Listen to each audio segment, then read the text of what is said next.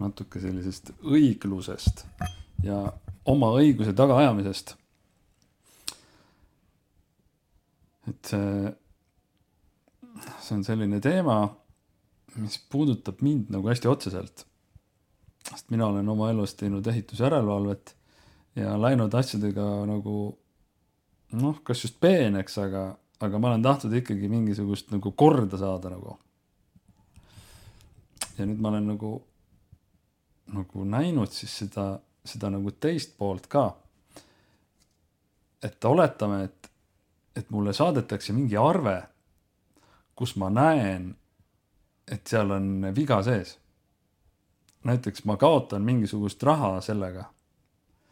nii, siis mida ma tavaliselt teen? siis mul hakkab kohe kripeldama, et, see nii küll ei saa jääda ju.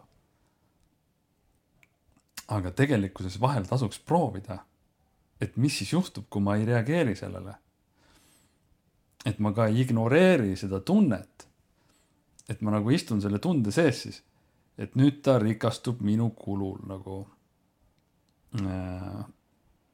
äkki mul jääb endal puudu, seal võivad väga erinevad tunded nagu tulla ja ilmselt nagu ühe korraga seda ei saagi.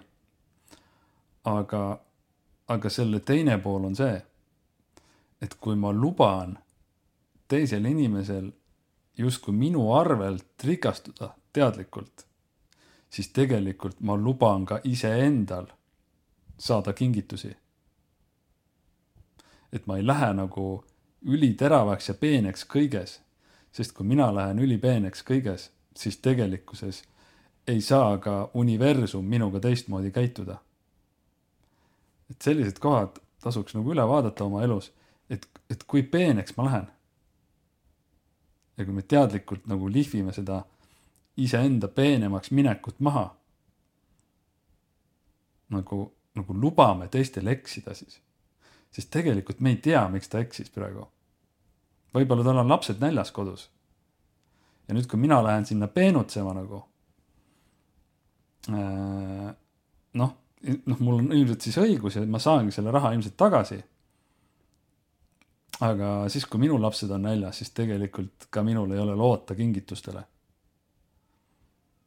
sest tegelikkuses see kingitustest keelduja olen ma ise. ma lihtsalt ei pea võimalikuks seda, et keegi teeb mulle kingituse, sest ma ise ei tee neid kingitusi. et isegi kui ma olen vahest suuremeelne siis tegelikkuses ma tahan ka selle eest saada tasu. ehk siis nagu kiitust. Et see suure, suuremeelsus on, suuremeelsus on tegelikkuses selline kahe teraga mõõk. et tegelikkuses väga vähe on sellist puhast suuremeelsust. et kui see on puhas, siis tegelikult seal ei ole ei tähelepanu vaja ega mitte midagi.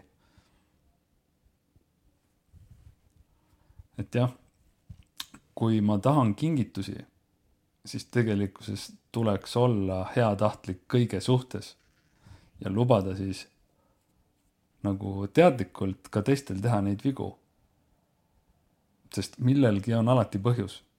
võib-olla see viga ongi sellepärast, et praegu näidata mulle nii-öelda kontrolliks, et kuidas ma reageerin. kas ma lähen hullult peeneks ajama seda? võib-olla saadan veel mingi sapilise sõnumi, et kuule, et arvutada ei oska või no midagi sellist. tegelikkuses universum ei saa meid teistmoodi kohelda. Et äh, seda tasub proovida.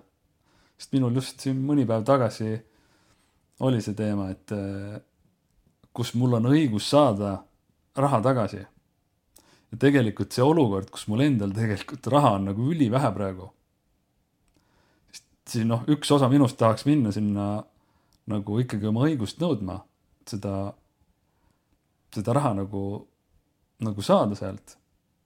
Siis ma saangi aru, et tegelikkuses selle õppetundi iva, õppetunni iva on hoopis mujal. et ma luban ja siis ma jätan selle universumi teha. et äh, minu asi ei ole kõiki asju siin maailmas teada. aga ma saan võtta vastu need tunded, kus äh, ma ei luba nii-öelda kingitustel tulla. tegelikult ma ei luba ise. ja nii ma ei saa ka teistele anda, sest see on ju ebaõiglane. aga tegelikult me ju ei tea. võib-olla on just õiglane.